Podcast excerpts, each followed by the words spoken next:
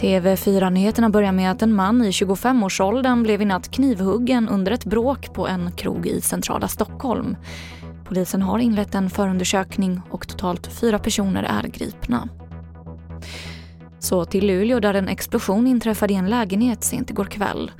Runt 20 personer har evakuerats och flera personer har gripits. En person som fanns i lägenheten har förts till sjukhus med ambulans.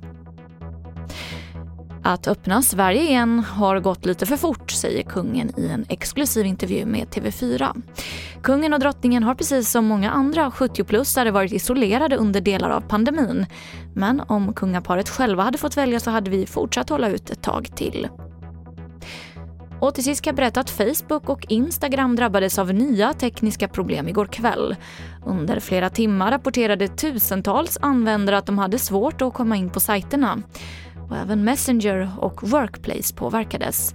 Enligt Facebook så ska problemen nu vara lösta och avbrottet ska inte varit relaterat till de problem som gjorde att Facebook, Instagram och WhatsApp låg nere tidigare i veckan. Fler nyheter hittar du i vår app TV4 Nyheterna. I studion Emily Olsson.